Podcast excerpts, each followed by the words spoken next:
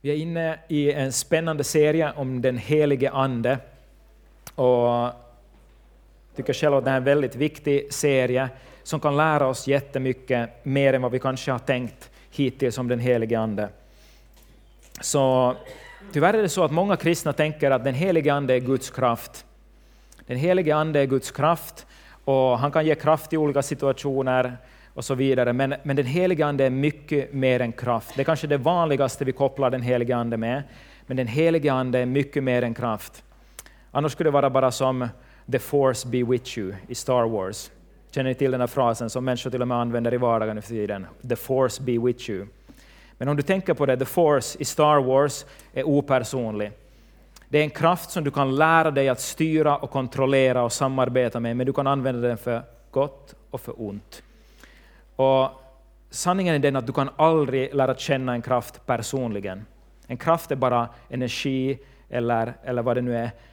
Men en person kan du lära känna personligen.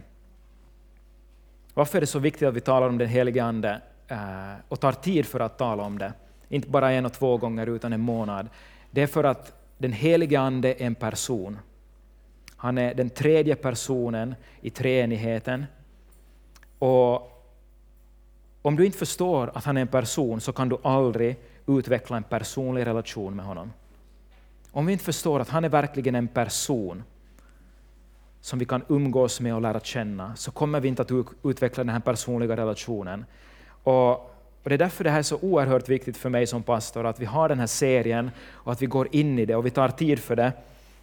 För det handlar inte bara om en doktrin, att ah, här är en till doktrin vi behöver hantera i kyrkan, utan det handlar om att lära känna Gud. För det är så att Gud Fadern sitter i himlen på sin tron och han har alltid suttit där.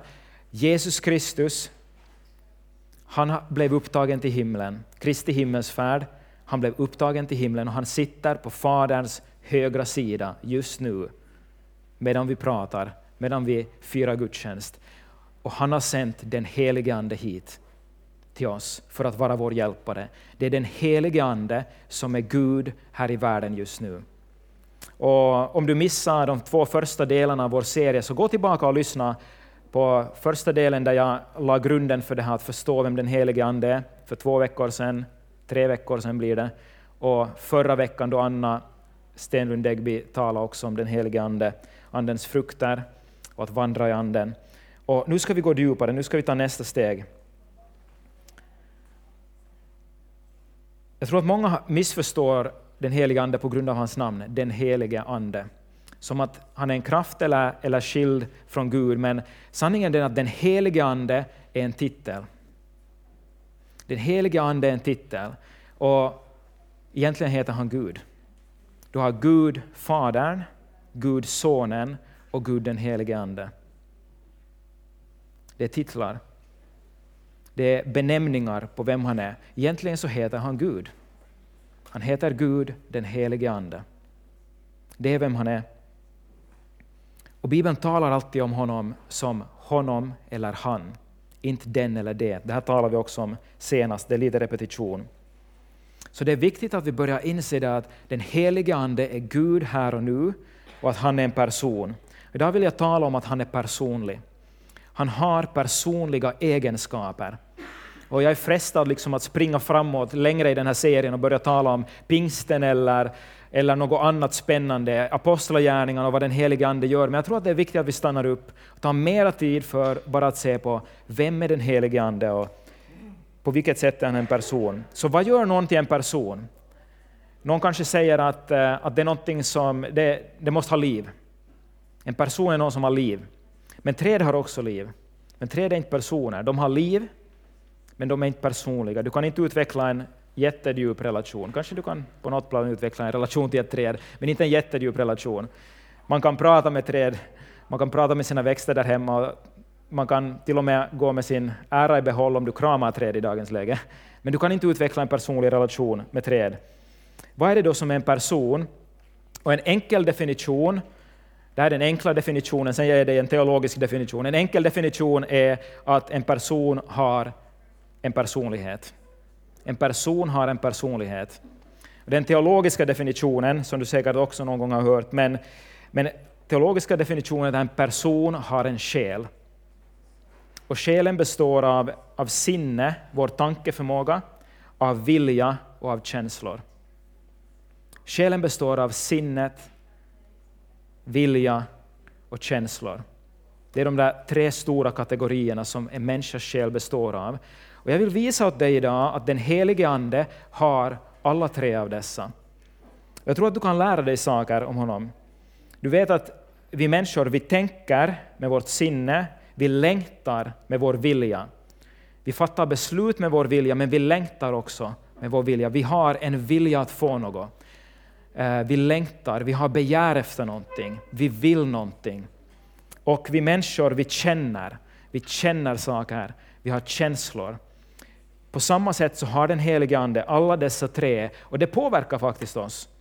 Det påverkar hur vi har en relation till honom och hur han kan verka i våra liv. Så jag vill fråga dig, är det möjligt att den helige Ande försöker hjälpa oss att tänka mer så som Gud tänker, att känna det Gud känner och att längta efter, att vilja det Gud längtar efter och vill. Är det möjligt att den helige Ande vill forma oss och jobba med vår själ? Vi talar, eh, senast jag predikade så talade jag om att han är en hjälpare. Är det möjligt att han vill hjälpa och forma våra känslor, våra tankar och vår vilja för att vara mera i linje med Guds vilja? Jag tror att det är så. Bibeln säger att han bor i dig. Om du är kristen, du har gett ditt liv till Jesus, kommit till tro och blivit frälst, så bor den helige Ande i dig.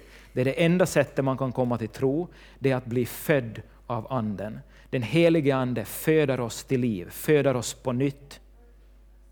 Och i är det första Korinthierbrevet det står att den Anden födde oss in i kroppen, alltså in i Kristi kropp. Så vi är födda av Anden. Du måste förstå det att, att han bor i dig. Han har känslor, han har vilja, han har ett sinne och han bor i dig. Han kan berätta vad Gud känner, han kan berätta vad Gud vill och han kan berätta vad Gud längtar efter i ditt liv. Så vi ska se på den första. Eh, den första punkten är det här, den helige Ande har ett sinne och han har tankar. Den helige Ande har ett sinne och tankar. Johannes eh, evangeliet 16 och 3 så står det så här. Får upp det här kanske också på väggen. Johannes 16 och Eh, 13, vers 13. Men när han kommer, sanningens ande, då ska han föra er in i hela sanningen. Ty han ska inte tala av sig själv, utan allt det han hör ska han tala, och han ska förkunna för er vad som kommer att ske. Så hur kan han leda dig in i hela sanningen om inte han känner hela sanningen? Det finns bara en i universum som är allvetande, som vet allting om allting. Han känner till varenda en atom, varenda en cell i din kropp. Varenda en atom i hela universum känner han till och vet allting om hela tiden. Och det är Gud. Det enda sättet som den helige Ande kan föra dig in i hela sanningen är att han känner hela sanningen, för han är Gud. Han har all kunskap. Han är allvetande. Och då är det ganska stor fördel av att han bor i dig. Han som vet allt, som kan allt, som känner hela sanningen, han bor i dig. Han har alla svaren. Han vet allt om vad du går igenom. Och han bor i dig. Har du någon gång funderat på vad Guds IQ är? Hur högt? Någon har någon ställt den här frågan sådär på något, jag vet inte, flashback-forum eller någonting. Ja, men vad har Gud för IQ då? Eh, det säger inte så mycket om Guds IQ, men det säger ganska mycket om den som ställer frågan. Men intelligence quota står det för, intelligenskvot på svenska. Det är ett mått på hur mycket intelligens du har. Gud har inget IQ. För hans intelligens är omätbar. Det går inte att mäta den, så du kan inte mäta den med något IQ-test. Han kan allting. Det har aldrig hänt, för Gud har det aldrig hänt sådär. Så oh, vilken spännande tanke, det har jag aldrig tänkt på förut. Det har aldrig hänt för Gud, för han vet allt. Han kan allt. Han känner allt. Och han bor i dig. Jag talar om det här för att du ska förstå hur du kan relatera till den helige Ande och hur han kan göra en skillnad i ditt liv, i ditt vardagsliv. Du kan inte prata med en kraft. Det finns ställen där man låser in dem. Du kan inte få kunskap och vishet och vägledning av en kraft. En kraft är bara en kraft. Men av en person som har all kunskap så kan du få allt du behöver för det här livet. När du förstår att den heliga Ande är en person så ändras allt. Jag tror att många av er har den erfarenheten, ni har pratat med Gud och, och, han har talat till er om någonting viktigt. Han har kanske gett vägledning, han har visat vad du ska göra. Det är den helige Ande som talar, för det är den helige Ande som är Guds språkrör här och nu i världen. Förstår du det? Du har någon inom dig som bor i dig och som har överlåtit sig till att hjälpa dig. Att vara din hjälpare, din tröstare, din vän. Och han har all kunskap. Det här är en helt otrolig sanning. Du har personen som vet svaret på alla frågor. Och låt mig ge några exempel. Jag ska börja med mitt exempel, och sen ska jag ge några exempel relaterade till dagens händelser här i kyrkan. Eh, det första är det här. Det hände mig för, jag vet inte, kanske något år sedan, så satt jag och läste Bibeln. Och så läste jag ett helt kapitel i Bibeln. Läste det i min morgonandakt.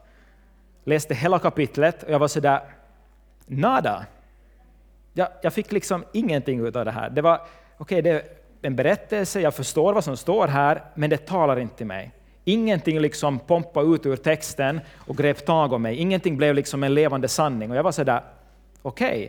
Och, och då, just då, det här händer inte tyvärr alltid, ibland har jag för bråttom för att göra det här, men den dagen så gjorde jag så här, jag var sådär att, att Gud, det måste finnas någonting i den här texten. Och så bad jag till den helige Ande, jag sa, för jag vet att, och det har undervisats så mycket, alltså att, att be den helige Ande att öppna ordet, att belysa ordet. Så jag sa, helige Ande, nu tänker jag läsa den här bibeltexten en gång till, och jag ber att du talar till mig och visar dina sanningar från den här bibeltexten. Så började jag om från början och läste hela bibeltexten, hela kapitlet på nytt. Och vad började hända? Sanning, sanning, sanning, sanning. Och till slut hade jag inte tid att skriva ner allting, för jag måste iväg till jobbet. Skriva ner alla de grejer som den helige Ande belyste och undervisa mig från samma bibeltext som stunden innan inte hade gett mig någonting. Varför sitter vi och grubblar över saker i egen kraft och försöker få till det på egen hand när han är där? Han är precis bredvid oss och han älskar att uppenbara sanning åt dig. Han älskar att undervisa dig om Gud och berätta mer om vem Gud är. Och Okej, okay, det här var ett andligt exempel. Han älskar att hjälpa dig i vardagen. Han, han vill berätta saker som du behöver veta. Låt, låt mig ge några roliga exempel som relaterar till dagens händelser. Vi har haft inbrott alltså i kyrkan, för de som lyssnar på den här inspelningen av predikan den här morgonen. Och min bror ringde mig en gång, det här var, jag vet det här måste ha varit över 15 år sedan nästan. Så ringde han mig, jag var i Ekenäs och jobbade där som ungdomsledare. Han jobbade som ungdomspastor i Philadelphia, Helsingfors. Så ringer han mig, Stefan, nu måste du be, för min bil har blivit stulen. Så jag sa okej, okay, på riktigt. Så sa jag okej, okay, vi ber nu direkt här på telefonen. Så vi började be uh, högt där jag stod i, i tamburen. Uh, var det här på trådtelefontiden? Kära någon, jag börjar bli gammal. I varje fall så stod jag i tamburen och pratade med min storebror i telefonen och vi började be. Han bad i sin ända och jag bad i min ända. Och så ropade vi till Gud och bad Gud visa oss vad vi ska göra i den här situationen. Vi ringde ofta till varandra när vi behövde hjälp med någonting. Och så började vi be och jag hojtade där och bad i tungor. Ofta så kan den helige Ande visa någonting när vi ber i tungor, uppenbara någonting. Så jag bad i tungor tills jag förstod eh, vad tungotalet betydde. Och så sa jag till Johanna att, att Gud säger att bilen kommer att komma tillbaka till samma ställe imorgon kväll. Och inte, inte, jag hann inte hejda mig eller ens tänka på vad jag sa, jag bara sa det. Imorgon kväll kommer bilen tillbaka till samma ställe. Och han var sådär, okej, okay, okej. Okay. Så sen slutade vi samtalet. Nästa dag så for han med en kompis i den här kompisens bil och satt på andra sidan korsningen från var bilen hade blivit stulen ifrån. Medan de sitter där så kommer bilen och parkerar på samma ställe därifrån den blev stulen. Och några killar hoppar ut och går in i någon butik. Och så får de och kollar bilen, är allt där, men de går tillbaka till bilen och väntar på att de ska sätta sig. Och så ringer de polisen att hej, vår bil har blivit stulen och nu är det människor här som, eh, som har, har tydligen tagit den och, och, vi väntar här på andra sidan korsningen. Och polisen är sådär att gå inte nära, gör ingenting. Men de i varje fall, de börjar följa efter då Johans bil och det blir en sån här chase genom Helsingfors ut på 51an och de följer efter och har polisen hela tiden på tråden. Och jag kommer ihåg att han berättade sen att, att de hela tiden berättade åt polisen vad som hände. Nu kör vi här, nu kör vi här. Och den här killen som satt med Johan, det var Johan som körde. Och hans kompis som satt och berättade åt polisen så här, oj, nyt mä ajettiin punaista kohti. åt polisen. så, sa, så, sa, eh, uh, Juho, så sa polisen bara så här att ja, okej, okay, olkaa varovaisia så i något, i något rödljus så blev den där bilen fast bakom andra bilar och polisen lyckades ta, ta fast den där boven och han fick sin bil tillbaka. Så tänk på det, den helige Ande visste precis vad som skulle hända. Han visste att bilen kommer tillbaka nästa dag vid ett visst klockslag och de fick bilen tillbaka. Det är bara ett exempel, nu händer inte det här jätteofta för mig. Eller ja, mitt andra exempel är från Ekenäs då det var inbrott i kyrkan och någon hade tagit ljudutrustningen mickar, sladdar, tangentbord, hårddisk, rubbet. Och det var inga inbrottsmärken. Så vi funderade med min bror på kvällen på det här. Och jag var så här, vad ska vi göra? Så började vi be. Och så började vi, efter att vi hade bett, räkna ut och tänka, okej, okay, den personen i ungdomsarbete som inte ännu är kristen var intresserad av den här utrustningen. Men vi var sådär att, att chansa att gå hem till någon och det inte var den och beskylla den för brott, det är liksom nog en jättestor risk. Så vi bad Eh, jag vet inte hur länge vi bara, säkert någon timme, tills jag fick tillräckligt tydlig klarhet i mitt inre att den helige Ande sa, ja, det är den personen som har tagit de här grejerna. Jag åkte hem till den här personen för första gången och knackade på hans dörr. Han, var he- alltså han bodde hemma med sin familj. Och så fort han öppnade så rusade han in i lägenheten. Jag sprang efter honom och hittade våra grejer där. Och det är bara några exempel på hur den helige Ande vet allt. Han är på alla ställen, han vet allt du behöver veta i olika situationer. Han kan hjälpa dig, han kan ge dig råd. Jag skulle kunna berätta massor av olika exempel på hur han kan gripa in och ge dig råd i olika situationer. Jag ska visa dig ett bibelställe från Första Korinthierbrevet 2 och 9. Ni följer med mig där, några verser. Vi börjar från vers 9 och läser en del verser framåt. Det står så här, men vi känner, som skriften säger, vad ögat inte har sett och örat inte hört och människohjärtat inte kunnat ana, vad Gud har berett åt dem som älskar honom. Så vi känner alltså någonting som vi egentligen inte kan känna. Och varför? Ty för oss har Gud uppenbarat det genom sin ande. Anden utforskar allt, också djupen i Gud. Vem vet vad som finns i människan utom människans egen ande? Så vet heller ingen vad som är i Gud utom Guds ande. Stannar där, tar en paus. Hänger du med? Ingen vet vad som finns i Gud utom Guds ande. Och anden utforskar allt, också djupen i Gud. Det här är bibelverser att stanna upp och fundera över. Om du vill lära känna någonting om Gud så finns det en enda person som känner det och som kan uppenbara det. Och det är den helige Ande. Så vet heller ingen vad som är Gud utom Guds ande. Den helige Ande är den som kan förmedla uppenbarelsen och lära dig vem Gud är. Om du vill lära känna Gud så behöver du lära känna den helige Ande personligen. Prata med honom, lär dig att lyssna till honom och hans ord och be honom att uppenbara ordet för dig. Om vi läser lite vidare, vers 12. Men vi har inte fått världens ande, utan den ande som är från Gud, för att vi ska veta vad vi har fått, från, fått av Gud. En orsak till att vi har fått den ande som är Gud, är för att vi ska veta vad vi har fått. Den helige Ande kan inte bara uppenbara för dig vem Gud är, utan när du lär känna honom så uppenbarar han för dig vad du har fått av Gud. Han uppenbarar åt dig att genom Jesu Kristi blod, genom korset, så är du rättfärdiggjord, du är förlåten, du är befriad. Han uppenbarar vad Gud har gjort i ditt liv så att du kan leva i den, så att du kan leva i seger, så att du kan ta nya steg, så att du inte längre är bunden och kvar i vad du tänkte tidigare. Den helige Ande uppenbarar vad Gud har gett dig. Tycker någon att det är fantastiskt? Jag behöver den helige Ande varje dag för att lära mig mer om Gud och lära mig mer om vem jag är i honom, vad han har gjort i mitt liv. Eikä siinä vielä kaikki. Det kommer mera. Vers 13 15. Detta förkunnar vi också, inte med ord som mänsklig visdom lär, utan med ord som Anden lär när vi återger andliga ting med andliga ord. En oandlig människa tar inte emot det som tillhör Guds ande. Det är dårskap för henne och hon kan inte förstå det eftersom det måste bedömas på ett andligt sätt. Den andliga människan däremot bedömer allt, men själv kan hon inte bedömas av någon.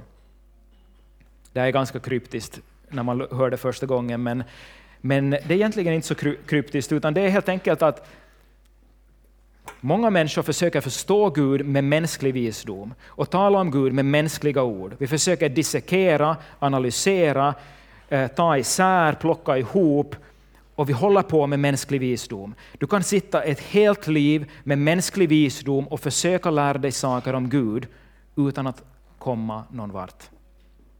För det du på riktigt kan lära dig om Gud, om vem han verkligen är och lära känna honom, det måste uppenbaras av Anden. Vi talar inte med mänsklig visdom, med ord som mänsklig visdom lär, utan med ord som Anden lär. Det handlar om att den helige Ande kan uppenbara på sätt som vi inte kan förstå som människor. Här står det, en oandlig människa tar inte emot det som tillhör Guds ande.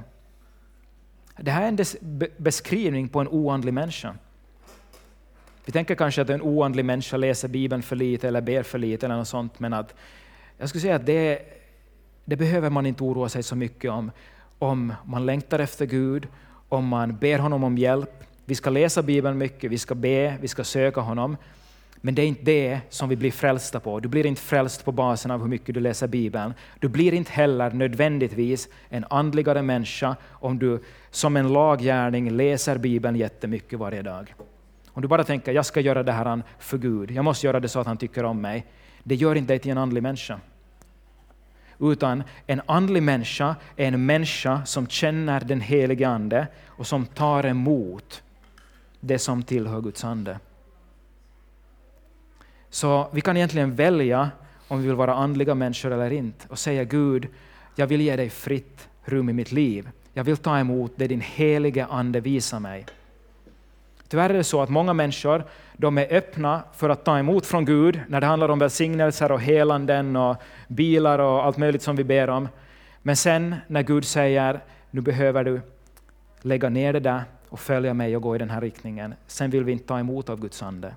Där är skillnaden mellan en oandlig och en andlig människa. En andlig människa tar emot det som tillhör Guds ande. En andlig människa är beredd att lyssna till den helige Ande och följa honom i det han säger. Det är en andlig människa. Det står också att en oandlig människa inte kan förstå Guds ord, kan inte förstå sanningen för att det är dårskap för henne, för det måste bedömas på ett andligt sätt. Det finns massor av människor i den här världen som har åsikter. Det finns massor av kristna som har en massa åsikter om hur saker ska göras, hur saker borde vara. Och de, de dömer allt möjligt. Hela tiden är ute efter att det här borde vara på det sättet, det här borde vara på det sättet. Och här gör vi lite fel, och här gör vi lite fel. Men det går inte att bedöma Guds rike eh, utan den helige Ande. Men när du har den helige Ande så står det, då den andliga människan däremot bedömer allt. Den andliga människan kan höra Guds ande och kan göra rätt beslut i olika situationer. och kan också fokusera rätt. Jag skulle säga att ett test på om man är en andlig människa, det är om man fokuserar rätt. Den helige Ande för alltid fokuset till Jesus Kristus. Det talade jag om tidigare. Den helige Ande belyser Kristus. Han tar av det som är, är Faderns och Sonens och han förmedlar det åt oss. Så ett test på en andlig människa, det är någon som kan fokusera rätt på Kristus, på det viktiga och, och inte börja pilla i en massa detaljer. Alltså, äh, men här, den här doktrinen är lite fel åt det här hållet. Och här borde vi tänka lite så här. Nej, jag tycker inte, jag vet ni, man hittar ett fel i varje församling, i varje sammanhang, i varje kyrka. Man börjar fokusera på sådana detaljer och man blir liksom en paragrafryttare andligt sett, eller vad ska man säga, religiöst sett paragrafryttare. Ofta det som behövs är att lära känna den helige Ande mera. Om man lever nära Anden så håller Anden en på spåret, håller Anden en vid det centrala, vid Kristus. Då behöver vi inte mera brusa upp och, och bli väldigt fästa vid en massa detaljer, utan vi kan istället fokusera på det viktigaste. Ha Jesus i centrum. Hej, den här världen behöver vinnas för Jesus. Människor längtar efter att bli frälsta. Människor längtar efter att få liv. Människor behöver Guds kärlek. Den heliga Ande för oss alltid till att fokusera på det centrala. På att människor ska få lära känna Jesus Kristus som sin personliga frälsare. Den sista versen säger så här. Ty vem har lärt känna Herrens sinne? Så, det är vers 16. Yes. Vem har lärt känna Herrens sinne så att han kan undervisa honom? Men vi har Kristi sinne. Så vad det står egentligen här, den helige Ande är den som känner allt om Gud. Han lodar djupen i Gud. Och, och bibeltexten frågar, vem har lärt känna Guds sinne? Men vi har Kristi sinne. Den helige Ande har Kristi sinne. Det är samma sinne i den helige Ande som i Jesus Kristus. Det är samma tankar. Så vad Bibeln egentligen säger att den helige Ande kan hjälpa oss till att få mer av Kristi sinne. Det uppmanas vi ju i Bibeln. Var så till sinnes som Jesus Kristus var, står det i Filipperbrevet 2 och 5. Var så till sinnes som Jesus Kristus var. Den helige Ande kan hjälpa dig att verka i ditt sinne så att du har mer av Kristi sinne. Du kan välja i ditt tankesätt att bedöma situationer, tänka kring livet så som Gud tänker. Det är bara den helige Ande som kan ge oss Kristi sinne. Okej, vi går vidare till punkt två. Den helige Ande har en vilja. Den helige Ande har en vilja. Lyssna här från Apostlagärningarna 16 och vers 6-7. 6-7. Står det så här. Sedan tog det vägen genom Frygien och Galatien eftersom det av den helige Ande hindrades från att predika ordet i Asien. Och när det nådde Mysien försökte det bege sig till Bitynien men det tillät inte Jesu ande. Så de hindras av den helige ande från att predika ordet i Asien och den helige ande, eller Jesu ande, tillät inte att de skulle bege sig till Betynien. Är det inte intressant? Den helige ande som kommer för att utrusta människor för att gå ut med evangeliet hindrar dem från att predika ordet i Asien. Det betyder för att han skulle gå emot sin sådär generella vilja så har den helige Ande kunskap och han har en specifik vilja om vart de går när. Det var inte bara att gå vart som helst, uh, nu sänder jag ut er, gå och vinn hela världen för Jesus. You're on your own. Utan han säger, gå ut i hela världen, ni ska få kraft när den helige Ande kommer över er och bli mina vittnen i Jerusalem, i Judeen, och i Samarien och till jordens yttersta gräns. Men när ni går ut så kommer jag vara med er och jag kommer att visa er steg för steg vad min vilja är. Jag har en vilja, en specifik vilja om vart ni går, när. Och det var viktigt att de lyder den helige Ande. Så Gud har en vilja. Jag älskar det här stället för här står att den helige Ande är Jesu ande. Den helige Ande är Jesu ande. Samma ande verkar i de båda. Så det är ett ganska starkt ord på grekiska som används. Den helige Ande hindrar dem. Det är koluo. Och betyder, det betyder att förbjuda, att hålla tillbaka någon. Så den helige Ande väldigt tydligt säger nej. ni ska inte gå dit, ni ska inte predika i Asien. Gå inte till Betynien. Han hindrar dem. Så han, den helige Ande använder sin vilja för att påverka dem att göra Guds vilja. Och den helige Ande kan på samma sätt uppenbara sin vilja för oss. En av de vanligaste frågor människor har är att vad är Guds vilja för mitt liv? Vad är Guds vilja för mitt liv? Säker på att de flesta av oss har någon funderat på det. Vad är Guds vilja för mitt liv? Vad ska jag göra med mitt liv? Det var faktiskt den frågan jag hade i mitt huvud den dagen jag blev frälst.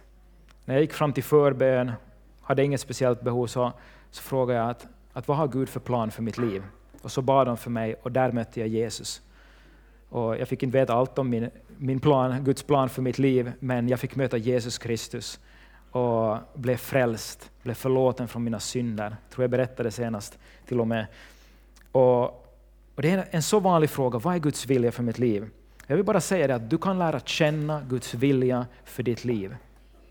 Och han längtar efter att just i rätt tidtabell, i hans tidtabell uppenbara vad hans vilja för dig är.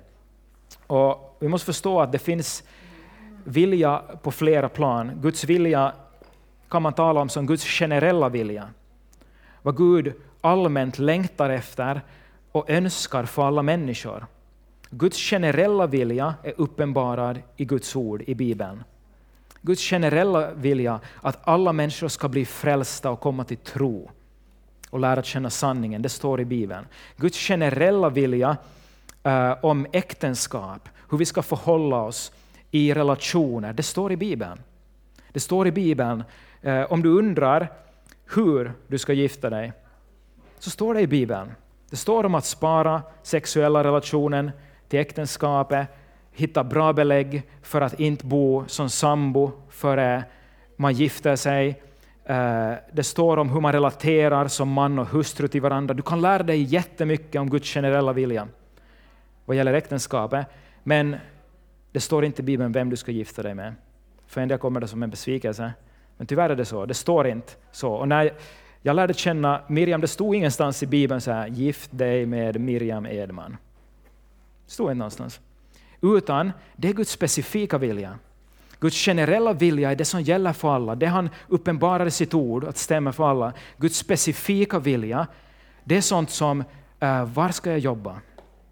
Vad ska jag söka till för studier? Vem ska jag gifta mig med? Hur många barn ska vi ha? Så vidare. Det är specifikt, det står inte i Bibeln, utan för det så måste du fråga Gud. Du måste lära känna honom och lyssna till honom om du vill ha hans hjälp på vägen. Och det lönar sig. Det lönar sig att lära känna den helige Ande så bra att du kan höra honom och följa hans vägledning. Jag kan säga att det hände, jag väntade ju på min fru i tio år. Jag sällskapade med någon när jag var i övre tonåren, 18-19 år, och upplevde sen att, att det inte var rätt tid. Vi la ner det. Sen väntade jag i tio år och jag bad till Gud och jag frågade Gud om massor av relationer, Eh, massor av bekantskaper. Jag frågar Gud alltid, Gud vad vill du i den här situationen? Och så många gånger så hörde jag Gud säga, eh, det här är inte min vilja Stefan, bara lägg ner den här relationen, fortsätt inte utveckla det. Jag hörde det jättetydligt flera gånger. Och det hände till och med att den, den stund Gud talade så försvann känslorna jag hade kanske för någon person. Det bara ändrades. När jag underordnade mig, när jag lyssnade till Guds ande och underordnade mig hans vilja, så hade han också möjlighet att ändra på vad jag känner. Det var inte ens svårt, för jag visste att okej, okay. samtidigt sa Gud många gånger att jag har någon i förvar åt dig. Jag har förberett någonting. Lita på mig, det kommer. I tio år så gjorde jag det här och lyssnade till Gud och försökte så gott jag kunde alltid lyda honom och inte utveckla relationer där vad han inte sa. Sen kommer den dagen när jag träffar Miriam och jag hör Gud säger ja, det här är den. Inte från början. Det finns också ett eget jobb. Vi kan inte ta genvägar. Vi behöver också använda vårt tänkande, lära känna en människa. Eh, för det är inte Gud som ska vara gift med den där personen, utan det är du. Så du behöver också själv fatta beslutet. Gud kommer inte att göra det för dig. Men han kan vägleda och han kan hjälpa dig. Och jag är så glad för alla gånger som jag har stannat upp och lyssnat till vad är Guds vilja? för han vet. Gud har förhindrat mig att köpa bil och han har också sen gett mig, inte gett alltså jag köpte den, men han lett mig till rätt bil ett halvt år senare. Han har förhindrat oss från massor hus som vi var och tittade på och var intresserade av. Så har Gud sagt, nej det är inte det. Och så har han gett oss det här huset som vi nu har, som är perfekt. Och jag berättar de här, jag orkar inte dra dem igen och uttråka de som har hört det flera gånger. Men, men Gud sa väldigt tydligt, och han sa på euron vad jag skulle bjuda för huset för att få det. Och det var 200 euro över det högsta budet. Och vi fick huset. Och de som sålde huset var pingstvänner och hade bett Gud, låt den som lägger högsta budet vara den som vi ska sälja åt. Så är det när pingstvänner säljer hus till metodister. Så brukar vi kommunicera i anden om det lite innan. Bestämma det på förhand och så märker ja men här var Gud involverad. Nej men det är sant, det är Gud. Jag kan inte förklara det på något annat sätt, för vi hade bestämt med Miriam att vi, vi bjuder några tusen under begärt pris. Så, så ber jag över det när jag sitter där på firman och Gud säger bjud den här summan. 200 euro över högsta budet. Jag kan inte ta någon ära åt mig för det. Det är inte min förtjänst, utan det är den helige Ande. Och han vill leda dig. Han har en vilja och han kan visa det för dig. Du kan lära dig väldigt mycket om Guds generella vilja i Bibeln och hur, hur Gud talar. Men sen måste du börja praktisera det. Du måste börja ta steg. Helige Ande, jag vill lära känna dig. Jag vill höra din vilja. Och jag har tänkt på det, alltså han är på riktigt min bästa vän. Kanske jag har reflekterat över det för lite, men när jag tänker allt som Gud har hjälpt mig med, som han har gjort, gett under livet, han är min bästa vän. Jag hoppas att han ska få bli också din bästa vän. Om du vill veta hur du ska be, så står det mycket om det i Bibeln. Bönen Fader vår, när ni ber, be så här. Himmelske Fader, du som är i himlen, låt ditt rike komma, låt din vilja ske och så vidare. Det står hur du ska be. Men om du vill veta vad du ska be för, då behöver du den helige Ande. Nu kanske du säger så här, nej, jag vet nog vad jag ska be för. Jag har en lång lista där hemma. Nej, men det står i Bibeln. Romarbrevet 8, 28 är en av våra favoritverser. Lyssna vad den säger. Vi vet att för dem som älskar Gud samverkar alltid det bästa för dem som är kallade efter hans beslut. Vi älskar den här versen. Allt kommer att bli på bästa sätt. Allt kommer att samverka till det bästa. Och det är en jättefantastisk vers, jag älskar den här versen. Men några verser tidigare, se vad det står i sammanhanget. Om du någon gång vill veta vad Bibeln betyder, läs en vers i sitt sammanhang. Läs hela stycket, plocka inte ut bara en vers ur Bibeln. Läs versen i sitt sammanhang. Så står det så här från vers 26. Så hjälper också Anden oss i vår svaghet, ty vi vet inte vad vi bör be om. Men Anden själv ber för oss med suckar utan ord. Du som säger, jag vet visst vad jag ska be om. Nej, men, vi läste det just i Bibeln, du vet inte vad du ska be om. Bibeln säger vi vet inte vad vi ska be om, men Anden själv ber för oss med suckar utan ord. Vi kan inte veta, jo vi kan veta på ett allmänt plan hur vi ska be, men om vi vill be specifikt, veta hur vill Gud att jag ber i den här situationen, eller eh, för den här människan. Vi kan inte bara kopiera böner, den helige Ande vill leda dig att be specifikt för situationer så som han vill. Här i början av veckan på måndag var jag i bön eh, för en familj eh, som har det jobbigt. Och medan jag ber så kommer den helige Ande starkt med ett bibelställe och säger be utifrån det här bibelstället. Be utifrån det här bibelstället. Som var att Eh, eh, Guds son uppenbarades för att göra om intet djävulens gärningar. Och den helige Ande lyfte fram ett bibelställe och sa, be det här bibelstället in i den här situationen. Och då måste jag vara lydig, då måste jag göra det han säger och inte be det jag själv tycker att det här är en vacker bön för den här familjen.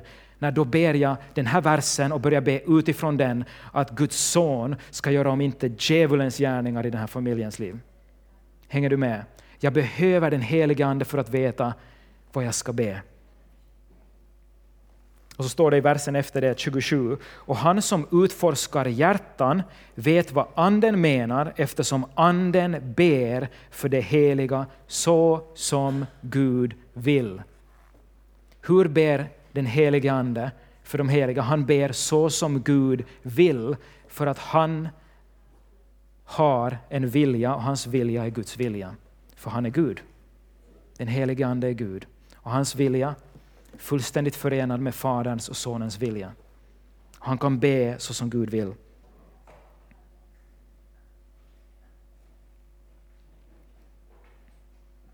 Så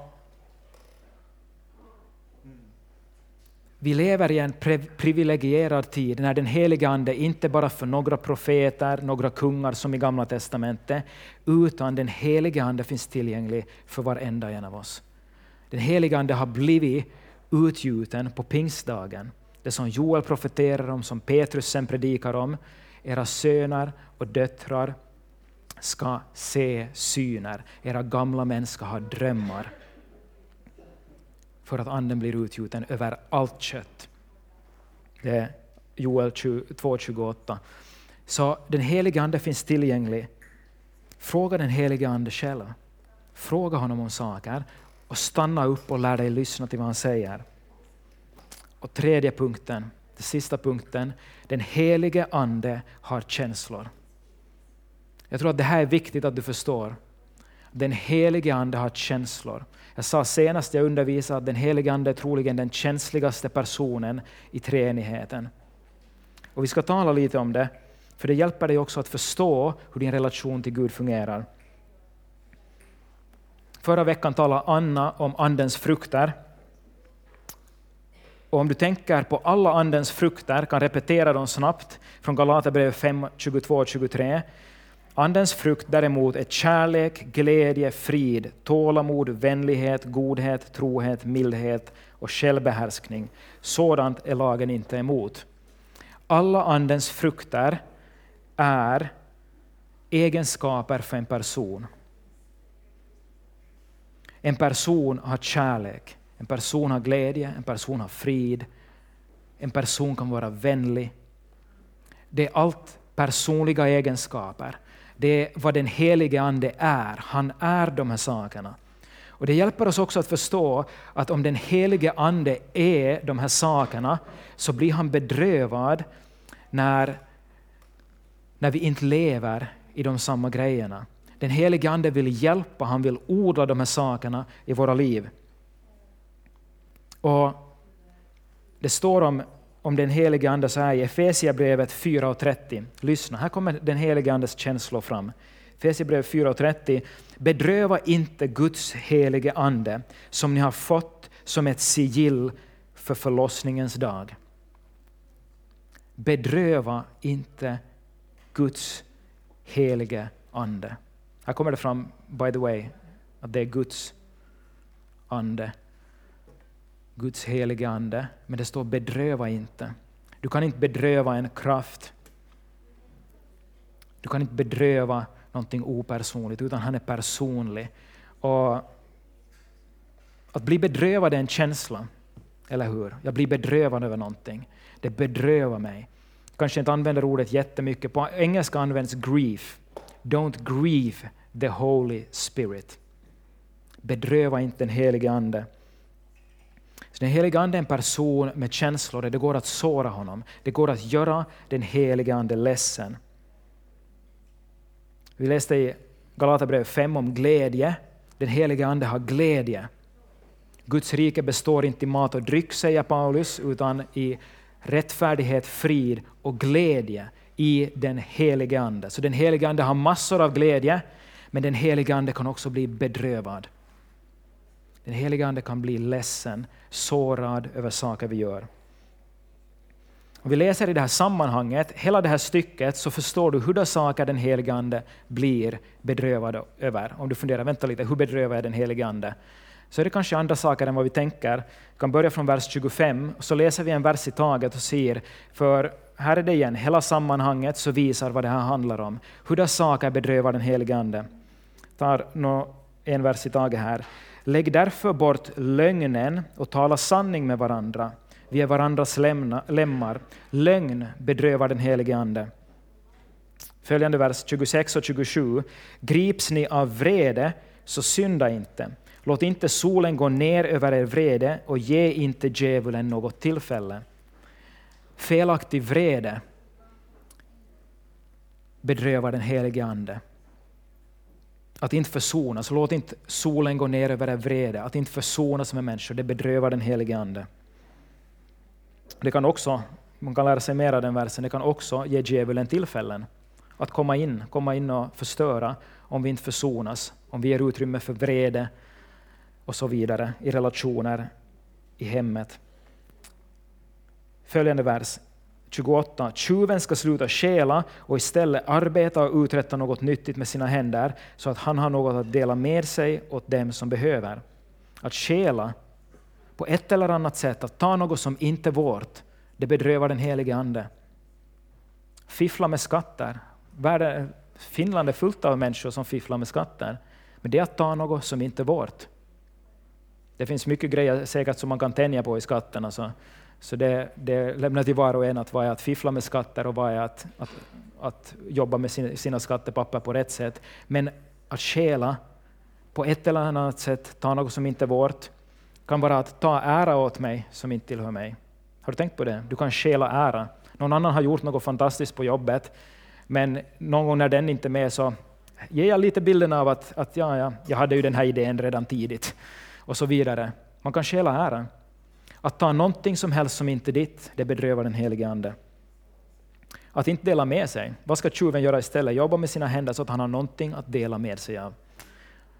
Att vara självisk, att inte dela med sig åt andra, kan bedröva den helige Ande. Sen står det, vers 29, låt inget oanständigt tal komma över era läppar. Tala bara det som är gott och blir till välsignelse där sådan behövs, så att det blir till glädje för dem som hör på. Oanständigt tal. Ouch. Det är faktiskt en ganska viktig undervisning i Bibeln, att akta vad vi säger med våra ord. För enligt det här är Jesu ord, enligt dina ord ska du dömas och enligt dina ord ska du frias. Att vara försiktig med hur vi talar, att bara tala det som blir till glädje, till välsignelse för de som lyssnar. Sen kommer versen 30. Bedröva inte Guds heliga Ande som ni har fått som ett sigill för förlossningens dag. Så fortsätter det vers 31. Lägg bort all bitterhet, all häftighet och vrede, allt skrikande och smedande och all annan ondska. Och här, det bedrövar den helige Ande. Vers 32. Var istället goda och barmhärtiga mot varandra och förlåt varandra, liksom Gud i Kristus har förlåtit er. Vänlighet, godhet, Andens frukter. Så vad är det egentligen? Jo, synd bedrövar den helige Ande. När vi syndar så väljer vi att göra sånt som bedrövar den helige Ande. Vi väljer, alltså om du tänker, det finns ju också mycket som står om det i första Korinthierbrevet och andra Korinthierbrevet om att vi är den helige Andes tempel. Ett tempel det är en plats där du städar, du håller rent, för där bor Gud. Det är en helig plats, en avskild plats. Dit ska inte smuts komma. Du är ett tempel åt den helige Ande. Han vill bo i dig, han vill ha en trivsam miljö att bo i dig. När vi väljer synd, när vi väljer att ta in sånt som sårar honom, så trivs han inte. Det betyder inte att han lämnar dig för gott, liksom, att han eh, överger dig och du inte är frälst mera. Men det betyder att, att han måste ta ett steg tillbaka. Om du säger äh, jag vill inte följa det du säger, utan jag, jag vill göra på det här sättet, då måste han ta ett steg tillbaka. Och för att förklara det här, liksom hur det funkar, så är det så att den helige Ande älskar dig. Den helige Ande älskar dig, han bor i dig, han vill bara gott för dig. Och när en troende vandrar i synd så bedrövar det den helige Ande. Det bedrövar honom, inte därför för att Gud har en regel och en lag och du ska följa den, utan det bedrövar den helige Ande för att när du vandrar i synd så skadar det dig själv. Synd skadar dig och det skadar människor omkring dig. Det gör dig mer självisk. Eh, egoistisk, den förvandlar dig. Det är aldrig så att jag kan göra en synd, be om förlåtelse och sen är jag samma person. Utan om jag lever i synd, fortsätter att synda, så äter den mig. Synden äter mig och gör mig till fånge. Och varför den heliga Ande blir bedrövad är för att han älskar dig. Han vill det bästa för dig och han blir bedrövad när han ser att du skadar dig själv. För det är vad synden gör. Det är det som gör honom ledsen. Om du skulle se din bästa vän eller ditt barn göra någonting som det där barnet inte får göra, då skulle du bli ledsen. För att det kan vara farligt. Du har sagt spring inte ut på gatan, lek inte på gatan, för det kommer bilar där. Så går barnet och gör det. Då blir du ledsen. Du blir, jag vet inte om du ska använda ordet bedrövad, men kanske besviken eller ledsen. Inte för bara för att det var olydigt, kanske det också, men därför för att det är farligt. Barnet kan skada sig. Barnet kan dö. Det är så den helige Ande är. Han blir bedrövad för att han älskar oss. En annan bild som kan beskriva det för dig, det är att när en kristen dör, säg att någon av dina släktingar går bort, flyttar till himlen, då vet du att du kommer att, om den här personen är troende, kommer du att få möta den här personen en dag igen i himlen. Du vet det, du har den tryggheten, du har den glädjen, en dag får vi mötas igen i himlen. Men samtidigt så sörjer vi, för nu är den här personen borta. Vi blir bedrövade. Vi kan gå ledsna länge för att det är verkligt vad vi kände för den här personen. Vi älskar den här personen och saknar den. Och Det här är egentligen samma sak. Om du syndar, om du, om du bedrövar den helige Ande, så den helige Ande vet nog fortfarande att du är kristen och du kommer att komma till himlen en dag. Ni kommer att spendera evigheten tillsammans, men för en tid. Den helige Ande kan inte gå ihop med ett liv där du lever i synd. Så den helige Ande blir bedrövad, han blir ledsen, för han måste ta ett steg tillbaka om du väljer att leva i synd och inte efter honom. Förstå rätt nu, man kommer inte till himlen för att man gör allting rätt. Eh, det är en felaktig eh, tro eller övertygelse. Man kommer till himlen på grund av Jesu Kristi nåd, på grund av att han har dött och han har försonat dig. Du är rättfärdiggjord och på grund av det, när du sätter din tro till det, så får du komma till himlen. Det är enda vägen till himlen. Så det håller vi fast vid. Men samtidigt, om vi bedrövar den helige Ande och lever i synd, det är då som man kanske upplever, uh, vänta lite, var är den här intimiteten med Gud? Varför känns det på ett annat sätt? Jag är övertygad om att vi alla har känt det. Jag har känt det massor av gånger. Och jag delar om det. Jag hade en kamp med pornografi när jag var yngre, eh, i tonåren, 20 plus. Jag hade en kamp med pornografi och det var en kamp varje vecka. Ibland varannan vecka, var tredje vecka, ibland oftare. Och jag visste det, när man faller i synden, lustan, begäret, så känner man varför är Gud längre borta? Och hur får jag det här att gå ihop med att men Gud älskar mig fortfarande, jag är kristen fortfarande, jag är frälst, men Gud känns frånvarande. Men när jag vänder mig tillbaka till honom så är jag igen nära Gud. Det handlar helt enkelt om att synden bedrövar den helige Ande. Och du måste förstå att, att bli bunden i en synd eller att bli fri, det är inte bara så här en knapp, nu är jag bunden, nu är jag fri. Utan det är en vandring. Det är en, du kan tänka det som en väg. Om du syndar så börjar du gå i en riktning. Eh, jag börjar gå hitåt som jag själv vill. Jag börjar vandra. Det betyder inte att jag faller totalt eh, i synden, jag är fullständigt bunden ännu. Men ju mer jag vandrar i den riktningen, desto mer bunden blir jag. Men när jag vänder mig om till Gud så börjar jag gå åt Guds riktning. Jag börjar gå mot honom och jag blir mer och mer fri. Och Det är det här som händer. När jag syndar och faller, då försvinner den där intimiteten med Gud för att den helige Ande måste ta ett steg tillbaka. När jag vänder om och ber om förlåtelse så börjar jag igen gå mot Gud. Jag säger Gud, jag vill det du vill för mig. Därför är det också så att du kanske vänder om från en synd, men du är inte fullständigt fri direkt. Det betyder inte att inte Gud håller på att jobba i dig. Det betyder inte att inte Guds ande verkar i dig. För det är en väg, det är en stig att vandra och bli mer fri och göra beslut efter beslut som behagar Gud. Och Det här vill den helige Ande hjälpa dig med. Den helige Ande vill vara din vän, din styrka, din kraft. Och jag, kan vittna, jag skulle kunna vittna om massor av gånger när hjärnan har börjat tänka, lustan har väckts, man är på väg i fel riktning och den där rösten kommer varje gång. Gå inte dit, gör inte det. Det är den helige Ande som varnar, som säger det där är inte någonting som behagar mig, gå inte dit. Och så många gånger han har räddat mig. Så många gånger han har ryckt mig bort från en felaktig väg före någonting har hänt. Och jag kan bara prisa Gud för att jag har honom som hjälpare. Och han vill vara din hjälpare. Han vill hjälpa dig. Och han vill vara personlig med dig.